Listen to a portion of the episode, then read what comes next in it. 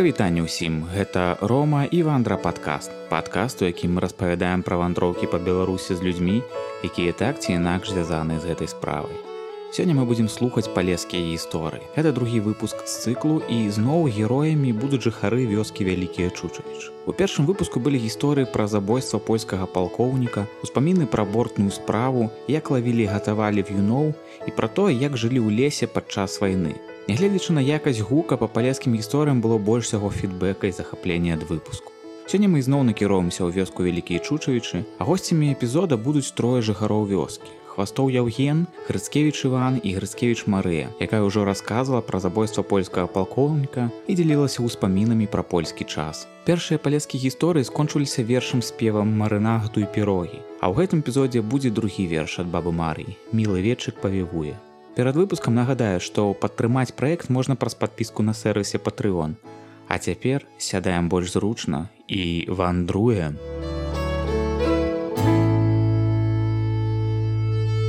Хвастоў Яўген Іванович. Яўген Хвастоў гэта першы краязнаўца чучавіцкага краю можна доўга разважаць пра якасць глыбіню і дакументальныя пацверджанні але відавочна ён першы чалавек нават не з тутэйшых хто зацікаўіўся асаблівасцямі края. Будучы гісторыкам у чавіцкай школе евген стварыў краязнаўчы гурток и сбирал этнографичные материалы. Когда я был учителем истории, был музей у меня краеведческий mm-hmm. в школе. У меня даже каменные рубила были. Я работу так здесь вел, что когда их родители, вот, трактористы, землю пашут на Грычине, mm-hmm. мне рубило принесли, все старинные такие вещи были. У меня в кабинете истории вдоль стен были витрины, как в музеях. И на стенах были фотографии, там все это документы были. У меня даже были школьные табеля по выпуску, да, допустим, четырех классов, четырехгодичная была в царское время. Угу. Вот. Совсем царской фамилии. И все это осталось в школе. Где оно делалось, я не знаю. В школе, когда я на пенсию уходил, я оставил альбом в фотографиях, чуть-чуть фотографий, и школу в фотографиях там.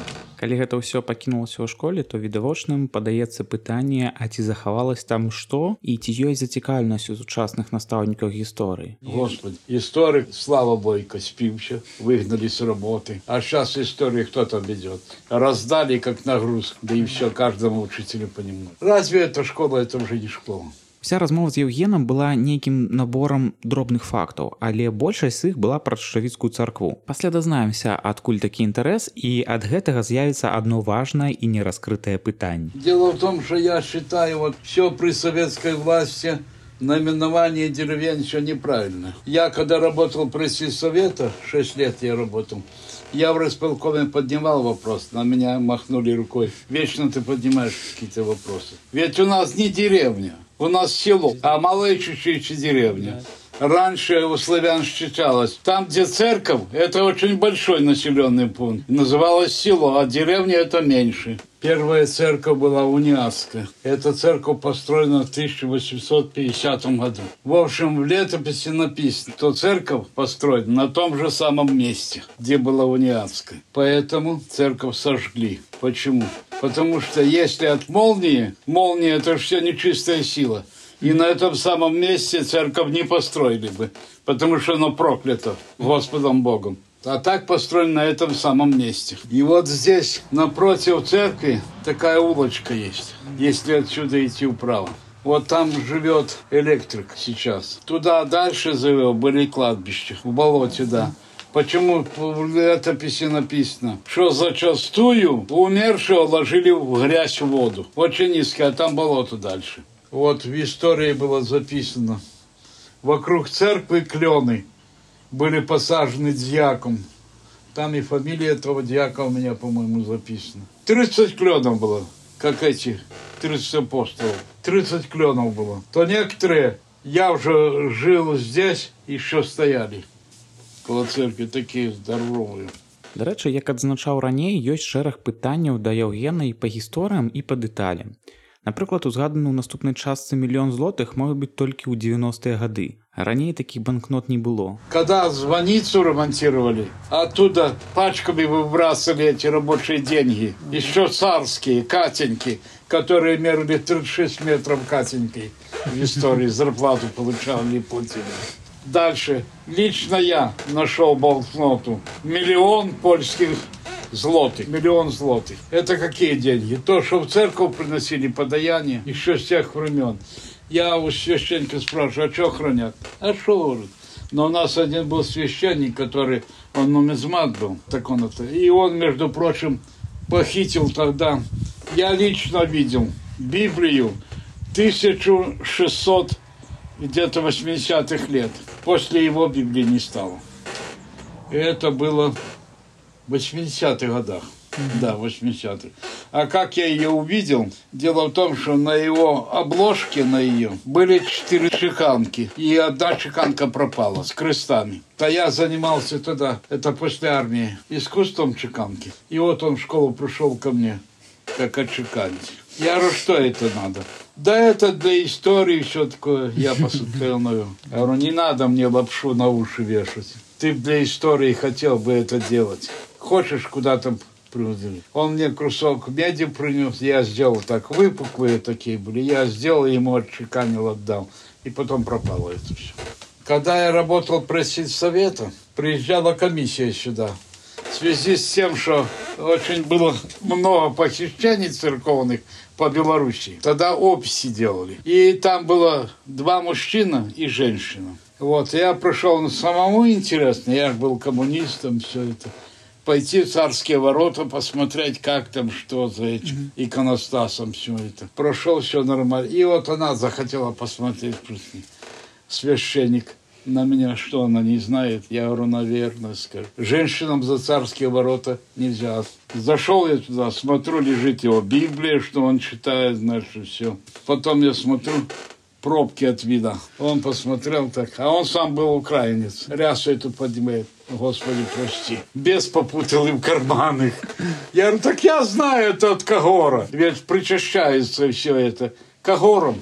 Я знаю, что этот Кагор. Ну, что я буду говорить, Господи. Он диаком был сначала. А потом его полгода не было. Где-то он учился, наверное, и приехал уже священник. Вот такие дела. Падчас размовы Яўген Хвастов расказваў, як ён здаваў курсавую работу па тэме чавіцкага крайзнаўства. Уся гісторыя гэта драма і доказы, што ўсё апісана згодна з гістарычнымі дакументамі, а дакладней згодна з царкоўным летапісам. І з гэтым летапісам ёсць свая цікавая гісторыя. Они ж церковная двадцатка это руководство.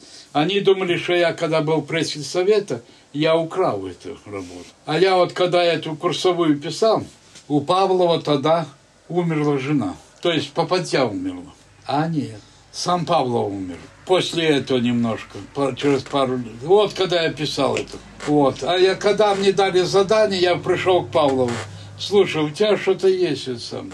Он говорит, давай 500 рублей я тебе дам. И показал мне эту работу. Я говорю, если бы это было докторское или что, то я бы, может, дал, а это нет. В общем, я вот иду по школьной улице той, да, стоят старые дома. С одной стороны сфотографировал. Потом по той же улице иду с той стороны. Сфотографировал. Все, у меня уже две фотографии есть в работу. Вот такого. Вот дальше. Ну, поспрашивал у стариков вот такое вот. И эта двадцатка церковная, наша обратилась к духовному поверенному Брест. Что вот такое шел. Использовал служебное положение и это все. Приехал тот сюда разбираться. Есть такая вещь? Я говорю, есть, пожалуйста. А где она? Я говорю, у меня. А как посмотреть? Я говорю, пожалуйста, пошли. А в школу? В школу он зашел.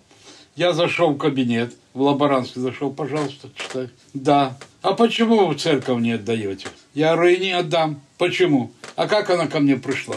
Мне священник покойный говорю, продавал ее. Где двадцатка была?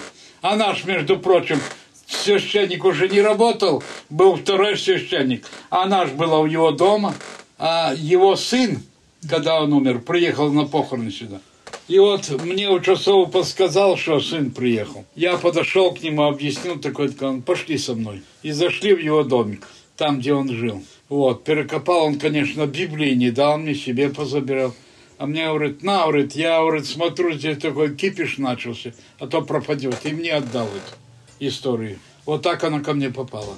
И я этому поверенному говорю, не дам Почему? Я говорю, вот этот священник, что приехал, да, это, говорю, пятый после смерти того, пятый священник. И каждый у меня ее цепляется. Где бы она уже была? Ну так сейчас уже постоянный все. Я говорю, хорошо, пусть приходит эта двадцатка. Вот они пришли, я говорю, вам грех большой за эту работу. Я говорю, не верю в Бога, но вам грех большой. Вы ее прошляпали, как она к Павлову попала с церкви. Он ее вынес.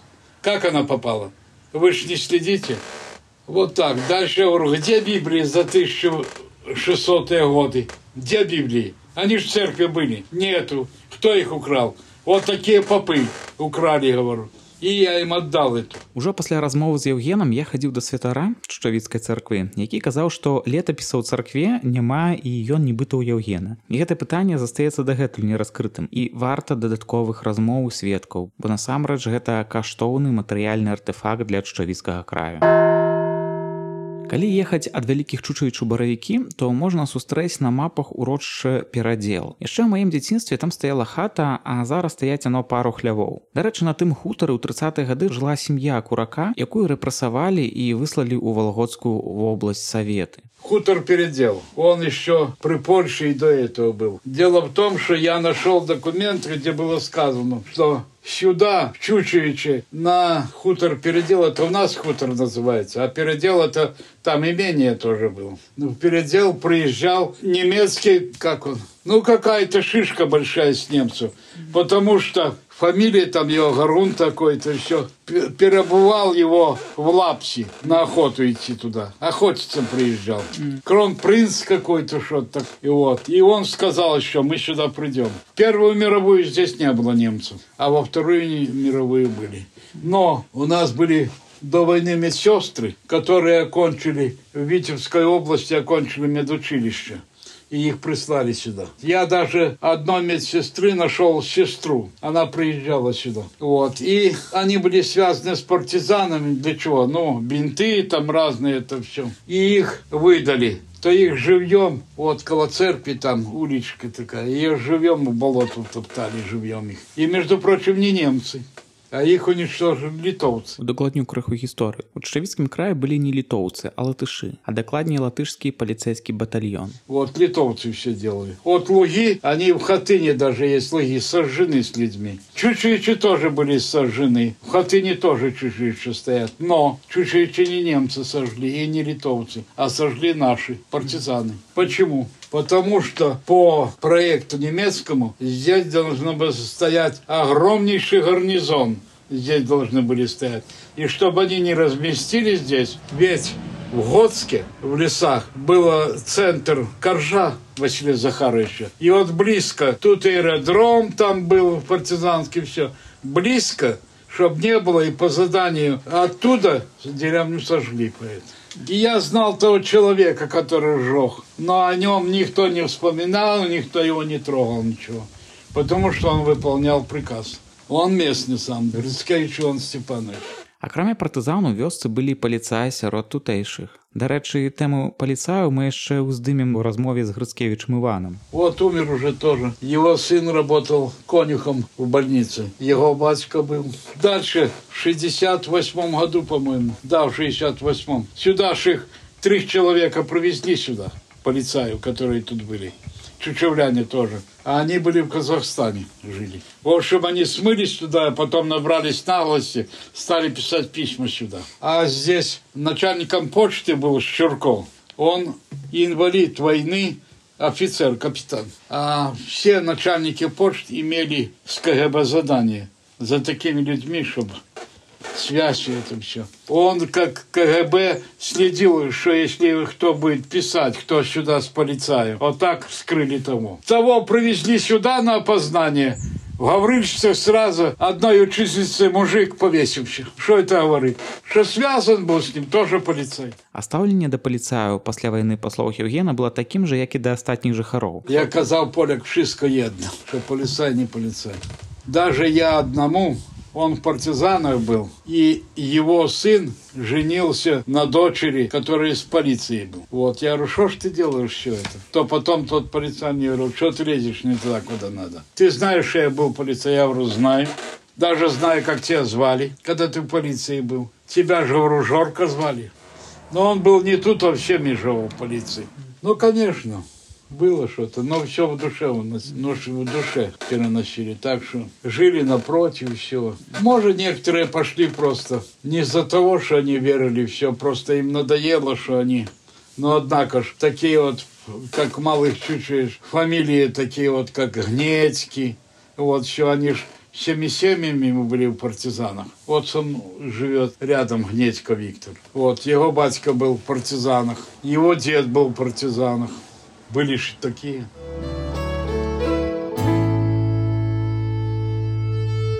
Гарскевич Іван Адамович 1935 года нараджэння.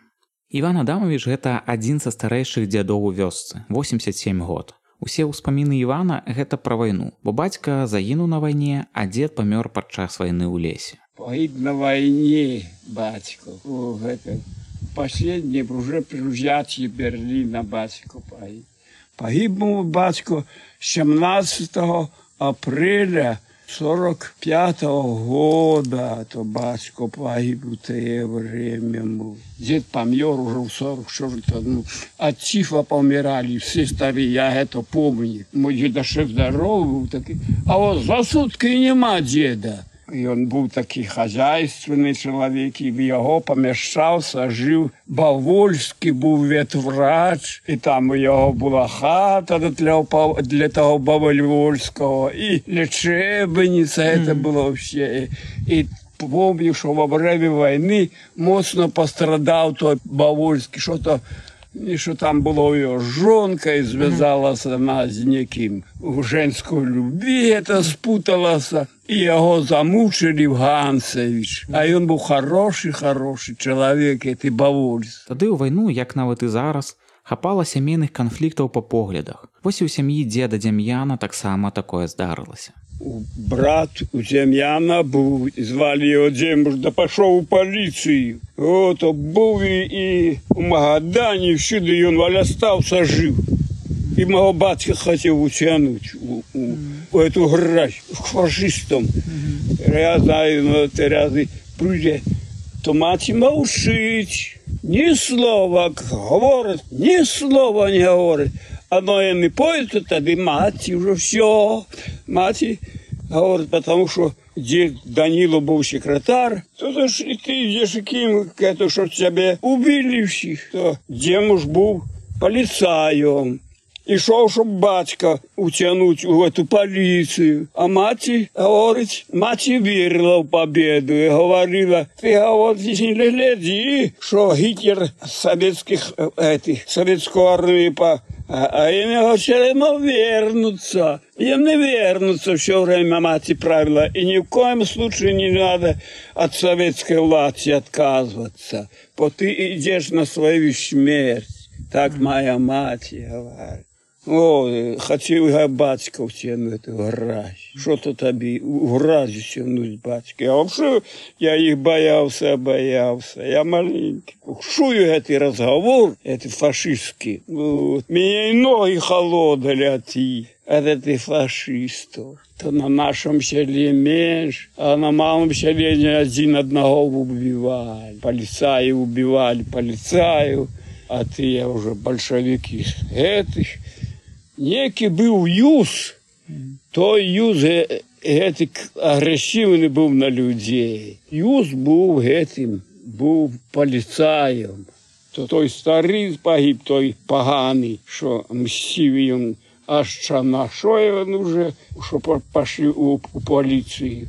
Не даваў той спакойно жыць, ганяе, ганяе, ганяе, ганяе. Всі дорогу строили, у этой Денисковичи строили, куды вести кого, то жидов вести, то их вести. Вернемся крыху да польскага часу і вайны. Ні на адной мапе не быў азначаны млын у Чучавічах. Хаця моя прабабуля ўзгадвала, што млын за польскім часам быў дзесьці сучаснай школьнай вуліцы і валодаў ім чалавек з прозвішчам перагуд. Калі зайшла ў нас размова пра млын, то Іван Адамович дадаў яшчэ больш дэталяў. Мельница была у концы села, где теперь школа, та старая школа. Мельницу держал некий Борис Татар. Татарин был, его сын был, Лева звался.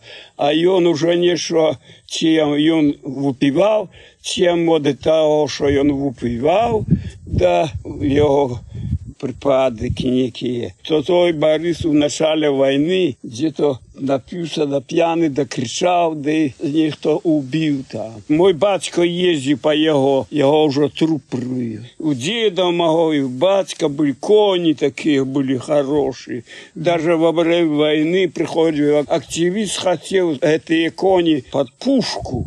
Ну, великую пушу не потяне коня, меньшу. Были сорокопятки всякие. Лесковский активист приходил с офицером. Да не моя батько сам и кони побрал. И они не то, что забирали кони, а хотели подменить конь под эту пушку. А уже батько готовился, чтобы это, чтобы эту уличную хатку зробив некуда перевести, пока ще батько дома. Уже подготовив, да тут эту хатку зложив и пошел уже на войну, уже домой не приходит. Калі вайна скончылася, Івану Адамічу было 10 год. Вёска памалу адбудоўвалася, а для дзяцей было пытанне адукацыі. У хатах з'яўляліся школы, а потым ужо стварылася вячэрняя школа, дзе настаўніцай працавала Варвара Цярэнціўна. Прашло ўжо 70 год, а Іван Адамович дагэтуль удзячны ёй. Мне в школу ходить не пришлось.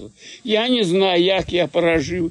А что мне просто просто не была наставница после войны, да пришла ей кто что подсказала, ті Бог я знаю. А я пошел в школу, в вечернюю школу. У школу за селом была. Звали и Кулина там была хозяйка эта. Хозяин мусить помер, тої хаты. И меня в школу отправили туды, в школу Горгуны. Что ж, один день Андрей, брат, едет с 30-го года, бери меня за собой, бери меня за собой. И я больше за один день на неделе, те две недели не бываю, чтобы ходить в школу. Я не то, что не скажу я, что я был отличник, что-нибудь ну, понимал, в школу, что мог бы учиться троху. И, знаете, поступил бы, что пришел. Не пришлось мне в школу. Я один день пойду, а то то коров, мать багато статку корову гэтай пасіць да не но сабе да трэба і адной бабе пасіць і другой бабе пасці і коня папасціць і яшчэ ж ніколі я ў школу не хадзіў і не хадзіў бацька ж не было бацька не вярнуўся з войны похоронка пришла. Вот. Решил я идти в вечернюю школу. То дневную треба в школу ходить постоянно, чтобы понимать. А то один день пойди, а далее зовут три недели, четыре недели, один день пойдешь. Вот открылась вечерняя школа. Была нека Варвара Терентьевна, хорошая наставница. Хай Бог даст ей счастье и здоровьечко за руку за меня из этой вечерней школы до свой класс. За руку пошла и за мной пришла, приводит там в конце села. А вот тут, говорит, буду учиться. А я пришел, встал, горит лампа керосинная. Вот тут я буду учиться. И ходил же в эту школу, пока уже не кончил 6 классов. 6 классов я кончил, тогда уже меня забрали в армии. Неграмотные, больше я не ходил. Спасибо и за это, что кончил после войны.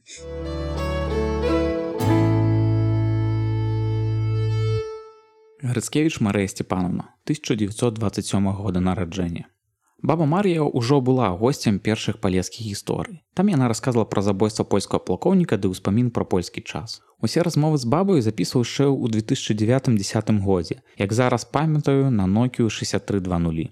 Памятаю, што яна ўсё пыталася, навошта я гэта запісваю, жыццёвыя гісторыі, генеалагічныя звесткі.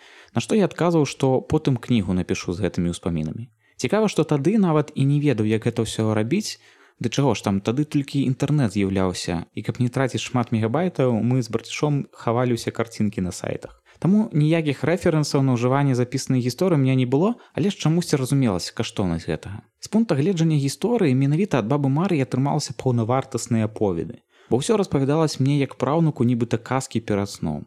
Не ведаю, як мы з прабабулей прыйшлі да тэмы цыганоў, але толькі зараз можна асэнсаваць цікавы свет раманскай культуры ў Беларусі. Для мяне цыганы ў дзяцінстве заставаліся ў выглядзе снуючых па дызель-цягніках дзецях і цыганках з немаўлятамі. Бацькі заўсёды казалі, што большая частка іх жыве ў вёсцы юхнавічы іванаўскага раёна. Але ж снавалі яны па ўсім па лесе, у тым ліку і ў чучавічах. Цыганне даўно пры Польшчы і пошлі вайны іх яшчэ не прыжалі мотно, не заставлялі рабіць цыганю. А іх такая была жыжня ездить по деревнях и, и обманывать людей, и этим яны жили, то карты погадае, то а табе хто што зрабіў, то падможа уже я табе падмагу. Даманвалі людзей, а цыганы коні мянялі. А купель, а дзе парасятку яны не куплялі парасятку, дзе вудураць ад людзей, то уже ходзяць па людзях, жабруюць, падарыце, падарыце іх то крайчиков хлеба им дают, а кто сало в ускорку, а кто мой кусок сала даст. А крупьяны не просили, бо они варить не варили, и он, и он из этого жили. Там всего-то, что дайте, да мы проварим. Вот дай им сало, дай им мясо, дай им куру, то они мясо теску будут жидать. Они вот таким пользовались. Дай им ягод, дай им Давно гарихов було багато, не знайшли. Доносили, дай гарихов. От такі вещи їм давай. Ну і дай їм джарушку, я не возьмуть постілку, я не возьмуть що-небудь із матеріалу. Ездили, обдурвали людей. І приїдуть, да як тепло, то вони за собою палатки возили. То палатки, де коля деревні близько роз кладуть і вже ночують в тих палатках. А стало они уже жав пошли, а дети там сидят, а которые уже больше это за цыганкой бегать. И дети, то таких, такие бойцы, хлопец, то он попроси поскочить, то он эх, пойдет танцевать уже, я ему дай, чтобы он потанцевал. Цыганка подарите, дай и цыганцы уже что то яны і парасятку возяць некаторы за сабою, то тыя крайчыкамі тымі хлебам кармілі. То яно хорошае гладзенькі, за возам бяіць прыбягаць свінчатку, вот бо дзеда парася. А як зіма, то просяцца к людзям, пусціце на ноч, то пускай яны доўго не жывуць, яны тыдзень дай паехалі, паехалі, паехалі яны наўкруг усе на свеце б'едуць, а коні ў іх хорошыя былі кони кормили, возили. А детям такая перина велика на, наподобие подушки, или такая велика перина на возі. Застроїть так. За у той перині в середині діти там іднують і ночують. То як їдуть цигання, то так о, із тієї перини, а ну голову повсмукають зимою, глядять на світ а то там у темноте лежать вот такая и была жизнь. Ну и уже пускали люди их, жили у людей, ночевали. Вот наш дед пустил их, ночевали. Придет цыганка свараться по-цыгански с цыганом. Цыган на цыганку убирается. Ну, а баба такая, цыганочка, ну что он на тебе убирается, так, сварится. Она, как бабочку, самаскаромнага не прынясла ну сала трэба прынесці мяса людзечка не даюць што ж я? То не прынясу а баба адказвае бо няма цяпер вайна была з вайны свіння звялі пабілі партызанаў кармілі самі карміліся не было чым карміць няма свіней няма скаромнага што ж вам даць а ў каго што є трохі то то не даюць для сябе дзяржаць От пошла яна, переночували на другий день. Принесла куру, да тую куру хучей, отсекли голову, да трохи скублі, да, да глядели трохи, да на сковороду, да її із стушили тую куру на сковороде. Сели, подъели, эх, яны уже поют, поют. Стык ветер подъели. Вот такая и была жизнь. А як були в палатках, ще тепло було, були в палатках, а ми так на країні жили. Ось приходить циганка, приносить таку сумку, і, як ми кажемо, під заслон такий, кинула ту сумку. І в її зуб болів. Ходить по хаті, ой-ой-ой, що у мене зуб болить. А у мене грубо топилась, а як уйди грубі грі, то буде легче. От тут вона уже йде грубі грить, а там дитя, а я, ох, а що то там під тією лавою, що це? А то ж дитя. Вона каже, хай кричу, чорт його не возьме, у мене зуб болить. А, як заболело у мене в груді. Зробилося мені жалко того дитячі. А волі моєї було всього полгода я на руках держала. Над моєю і там і дитятко таке. А далі потім вуняла, покормила його. І знову сумку під лавою лежить дитя. От така їх життя була. Не памятаю, каб баба Марія спявала і шмат вершаў расказвала, але некалькі з польскага часу паспеў запісаць. І толькі зараз дзіву даешся, як гэта можна памятаць у свае 80 гадоў тое, што праходзілі ў польскай вясковай школе. Мілы вечык повявуе, сконто войско маршируе. Пан капітан напшут едзе, коніш jego смутно іdzie. Mój konisiu, mój bulany, czemuż ten tak zatroskany? Turbuję się o swe życie, już mnie więcej nie ujrzycie. А каб не страціць наступныя эпізоды, подписывайтесь на падкаст і сацыяльныя сеткі праекта Вандра. Вандруем.